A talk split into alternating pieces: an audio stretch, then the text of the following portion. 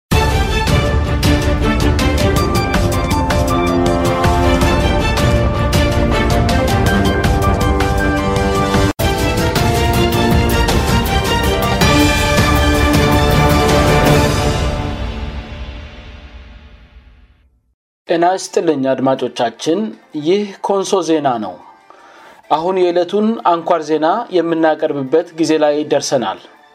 ዜናውን የማቀርብላችሁ የአቬሎ ናታዬ ነኝ አብራችሁን ሁኑ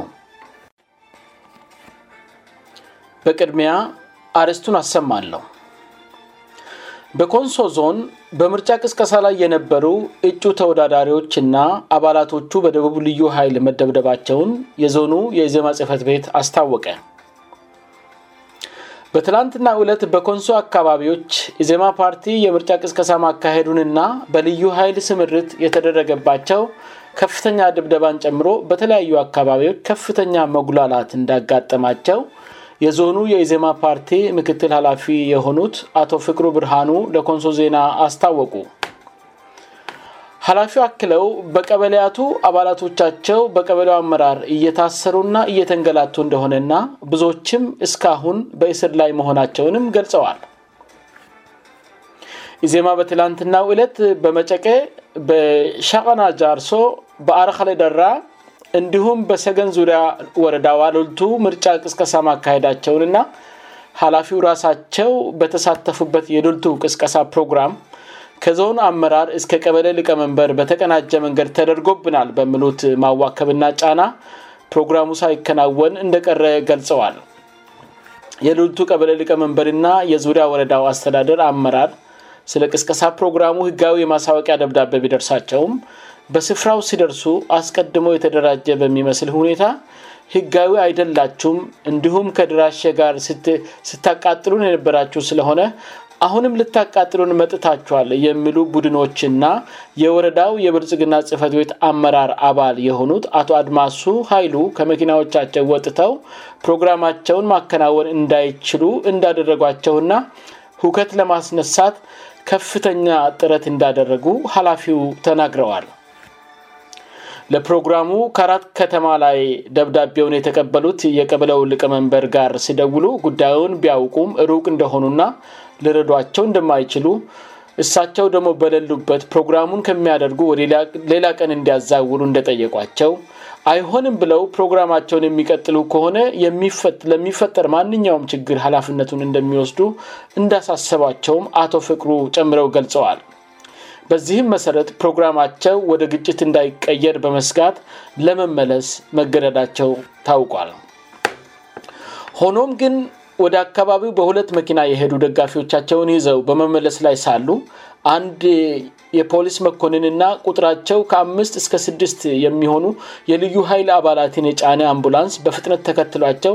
እንዳስቆማቸውና የወረዳው የጸጥታ ኃላፊ የሆኑት አቶ ዘገይ ገረሱም አብሯቸው ሆኖ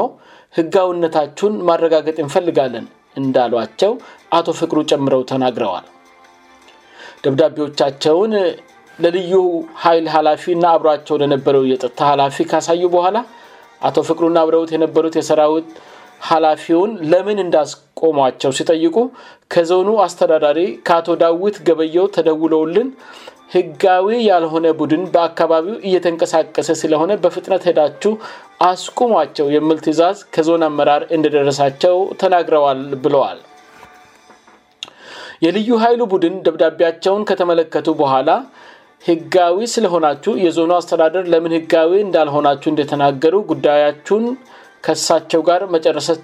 መጨረስ ትችላላችሁ ብለው ሆኖም ግን ህዝብ ፕሮግራማችሁ ማድረግ አትችሉም ባሏችሁ ጊዜ ህዝብን አክብራችሁ በመመለሳችሁም የሰላም ሰዎች መሆናችሁን ያሳያልና እናመሰገናለን ብለው እንደለቀቋቸው አቶ ፍቅሩ ጨምረው ገልጸዋል እነሱም እየተመለሱ ሳሉ ወደ ከራት አቅጣጫ የያንታን ወንዝ ከተሻገሩ በኋላ ቁጥራቸው ከአስር የማያንሱ የልዩ ሀይል አባላትጫነ ፒክፕ መኪና ወደ ከራት አቅጣጫ አልፏቸው እንደሄደ ማየታቸውንም ተናግረዋል በጉዳዩ ላይ የዞኑ ዋና አስተዳዳሪ የሆኑት አቶ ዳዊት ገበየውን ለማግኘት ያደረግ ነው ተደጋጋሚ የስልክ ሙከራ ስላልተሳካ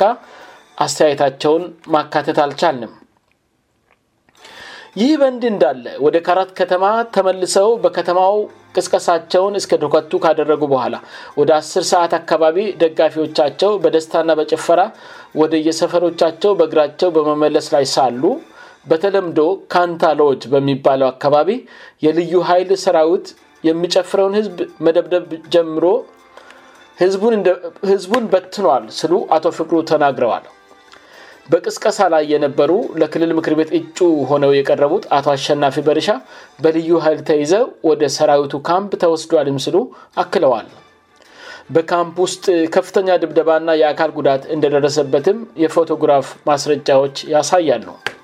ሰራዊቱ ካንታሎጅ አካባቢ የነበረውን የደጋፊዎች ጭፍራ ከበተነ በኋላ ወደ ዶካቱ መጥቶ በየመንገዱ ያሉና በየመዝናኛ ቤቱ ጭምር ባዱ ሰዎች ላይ ከፍተኛ ድብደባ ማድረሳቸውም ተገልጿል ዶከቱ ላይ በድብደባ ጉዳት ከደረሰባቸው መካከል በእጁምንም ሳይዝ በሶስት የልዩ ሀይል አባላት ሲደበደብ በተንቀሳቃሽ ምስል ተቀርጾ በማህበራዊ ሚዲያ ሲዘዋወድ ከነበረ ማስረጃ መመልከት እንደተቻለ የኮንሶ ከፍተኛ ሁለተኛ ደረጃ ትምህርት ቤት መምሄር የሆኑት አቶ በየነ በሪሻ መሆናቸው ታውቋል በተጨማሪም አቶ አራርሶ ለምታይ የተባሉ ግለሰብም በድብደባው እጅግ መጎዳታቸው ተገልጿል በጉዳዩ ላይ ምላሽ እንዲሰጡን ያነጋገር ናቸው በኮንሶ ዞን የደቡብ ልዩ ሀይል ዋና እዛሽ የሆኑት ኮማንደር ታገሳ አርፋጮ መልስ ሲሰጡ ሰልፉን አላጀብ ነውም በማለት ጀምረው ፊ የኢዜማ ደጋፊዎች ከላይ ወደ ደቡብ ኦሞ የሚያልፈውን የፌዴራል የሆነውን አውራ ጎዳና በመዝጋታቸው የከባድ ተሽከርካሪ ሹፈሮች መንገዳቸውን መቀጠል ባለመቻላቸው ባደረጉላቸው ጥሪ መንገዱን ለማስከፈት ወደ ስፍራው ሰራዊት ማሰማራታቸውን ገልጸው ሰራዊቱ ህዝቡን ለመበተን አስረቃሽ ጭስ በመተኮስ ሲጀምር መንገዱን ከዘጉት የኢዜማ ደጋፊዎች በተወረወረባቸው ድንጋይ የተጎዱባቸው የሰራዊት አባር ስላለ ራሳቸውን ለመከላከል ሀይል መጠቀማቸውን ገልጸዋል መንገድ ላይ ያልሆኑና በመዝናኛ ቤት ባሉ ላይ ሀይል መጠቀምስ ለምን አስፈለገ ተብለው ለተጠየቁት ሲመልሱ መንገድ ላይ ሰራዊቱን በድንጋይ ሲወረውሩ የነበሩት ወደዚያ በመሻሻቸው ነው ብለዋል ለምን በህጋዊ መንገድ ዱላን ሳይጠቀሙ እጃችሁን ለካቴና ስጡ ተብለው ያለ ዱላ ተይዘው ለህግ አልቀረቡም ለተባሉት ኮማንደሩ ሲመልሱ እኛ ነገሩ ከቁጥጥራችን ውጭ ሆኖ ሀይልን እንድንጠቀም ሊያስገድደናል ብለን ስላላሰብን ካቴና ሊያዝንም ብለዋል የኢዜማ እጩ የነበሩትን አቶ አሸናፊ በርሻን በቁጥጥር ስር አውለው ወደ ካምፓቸው መውሰዳቸውን አረጋግጠው በጉዳዩ ዙሪያ ከኢዜማ ብሔራዊ ጽህፈት ቤት ከአንድ አመራር ጋር ከመከሩበት በኋላ ልጁን መክረን ከአንድ ሰዓት በነሰ ጊዜ ውስጥም ለቀነዋልም ብለዋል አድማጮቻችን ከኮማንደሩ ጋር የተደረገውን የስልክቃ ለመልልስ እንደሚከተለው አቅርበናል ተከታተሉት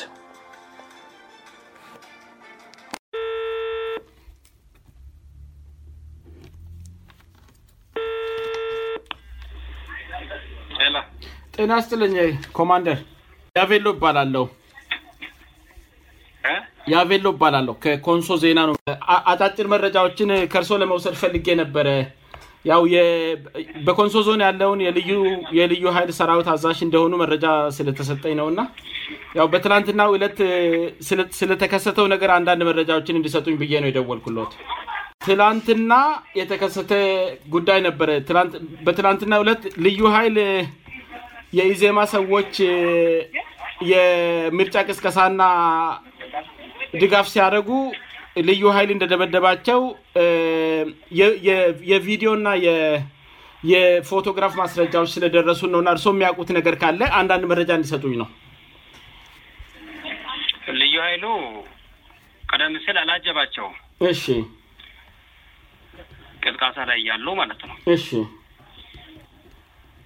እስከ አሳ ላይ የለም ነገር ግን የፌዴራል መንገድ ነው ይ ቀጥታ ከ ላይ ጀምሮ እስከ ደቡሞ የሚሄድ መንገድ ነው እሺ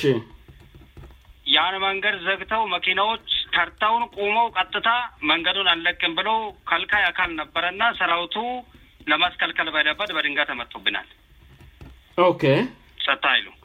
ማለትዲነንጋ ተወርውሮ ተመጥቷል ሰራዊቱ መንገድ ለማስከፈት እንቅስቃሴ ሲያደርግ ማለት ነው ለማስከፈት ንሄደው አላአጀበም ምክንያቱም መንገዱ ሲቆሚበት መንገድ የሚሄዱ ረጅም መንገድ የሚሄዱ መኪናዎች ተሽከርካሪ ሲቆም ሰራዊቱ ለማስከፈት በሄደበት ድንጋ ወርውሮ መጥቷል እሺ እንግዲህ ህግንም አስከበል ስለነበረ ሰራውቱ መንገዱን ሊቀቁቡሎች ስቶክሶ እንስል ብሏቸዋል የን አን ለምን ታደረጋል የምል ለሀላፊዎቻቸውም ለኢዜማዎች ደውዬ ነግር ያለው ደውለው ላ ነግር አስረድቻቸዋሉ ከሀላፊያቸው እጩ ጋርም እንዲገናኝ በራሴ ስልክ አድግ አለሁ ሺ ምክንያቱም እንግዲህ ቁሜ ሰራውቱ ላይ ድንጋ ከተወረወራ ከትላንቱ ቲፔሌ ያለፋ ለእኛ ሜሴጅ የሚያስተላልፈን ነገር የለም ሀገርን ነው የምንታደቀው አካባቢ ነው የምንታደቀው ሁን ብለን ለዚህ ለምን ትቀሳቀሳለ የሚል አቆም አልነበረ እኛ እንዲያውም ስርአት ዲሞክራሲያዊ የሆነ ምርጫ እንዲካሄድ ነው ኮንት እያደረግን ያለውበተቻለ መጠን ግዴታም ስለሆነ ስለዚህ ያ እየሆና ባለበት መንገዱ ሲዘጋ መንገዱ ለምን ይዘጋል የሄደው ሀይል ላይ ነው ድንጋሩምታ ተወርውሮ በተወረው ወራው ድንቃ እየተመታብን ሰዋለን ተለዚሁን የ ድንጋ ማመታት ማለት ወደ ት ወደ የት ሊያመራ ነው ወደ ማህበረሰቡ መካ ሁለት እንግዲህ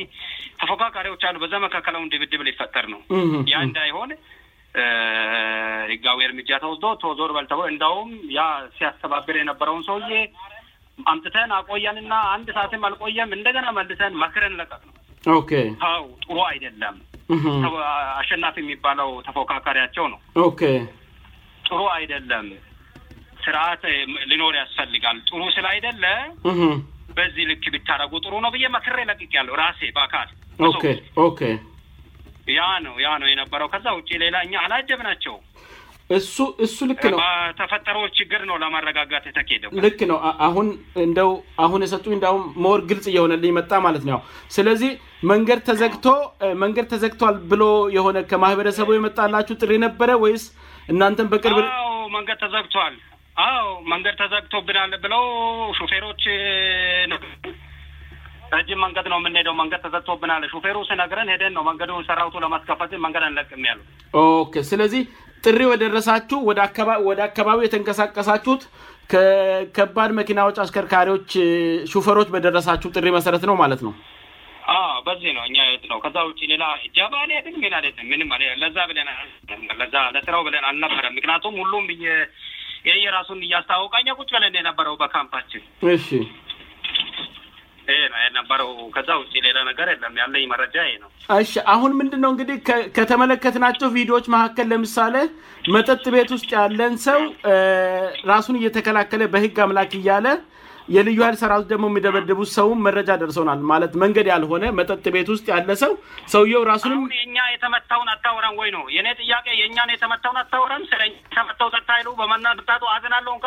ይሄ ወንድም ይሄሁለ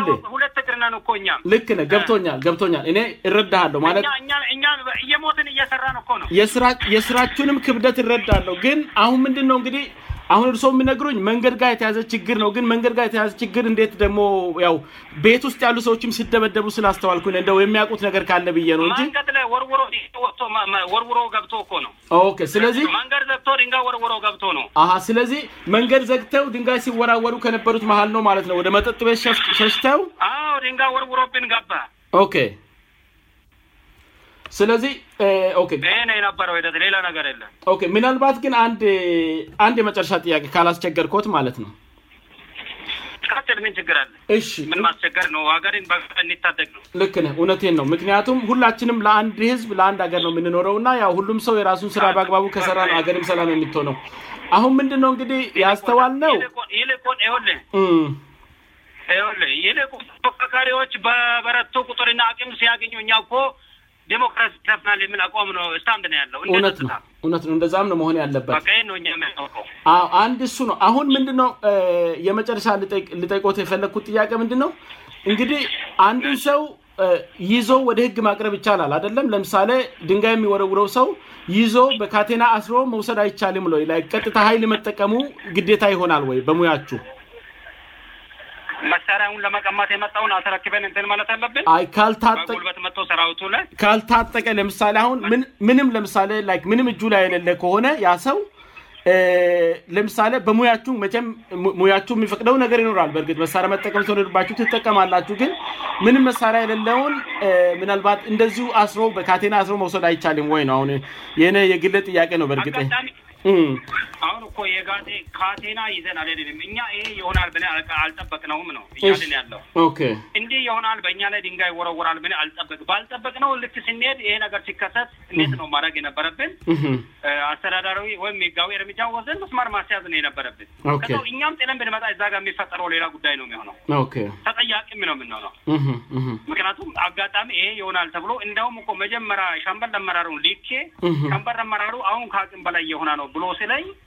ራሴ ሄርኩን ለማጣራት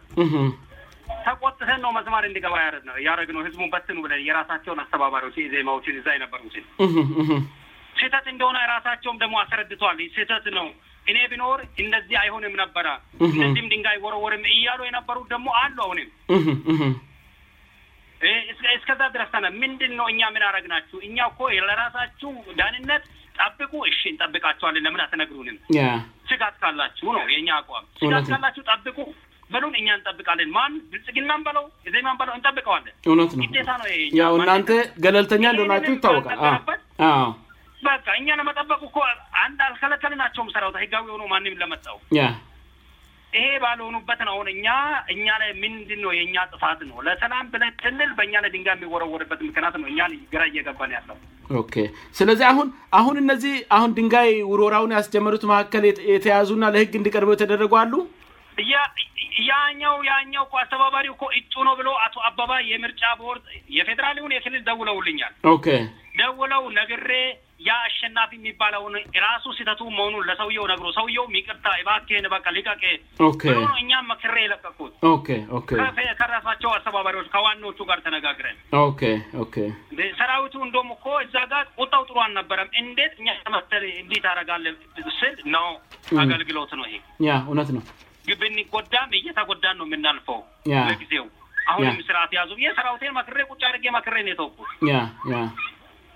እሺማናችእነት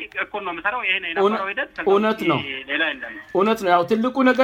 ትልቁ ነገር ርስ ሙያች የሚፈቅደውን አላቅም ሙያ አደለም ግን ብዙ ችግር ውስጥ እንደምታልፉ ይታወቃል በተለይ ግጭቶች በኖሩ ጊዜ ሁሉ ህይወትም እንደምትከፍሉ ይታወቃል እና ሁላችንም ለሀገር ነው የምንለፋው እንግዲ አቅማቸው የፈቀደውን አድርጉ በተቻላችሁ መጠን እግዲ አንተም ሰራዊቱን እንደሚገባ ለመምራት ሞክር እንግዲ ህዝቡ ግልፍተኛ ሊሆን ይችላል ህዝቡ የግንዛቤ ጥረት ም ሊኖረው ስለምችል ው ህዝብ ህዝብ ነውና እንግዲ አቅማቸው የፈቀደን በማድረግ እንግዲ አብረን አቅማችን የፈቀደው እናደረ በጣም አመሰግናለው ኮማንደር ጊዜ አድማጮቻችን የዕለቱ አንኳር ዜናችን ይህን ይመስል ነበር ስላዳመጣችሁን እናመሰግናለን ደህና ቆዩን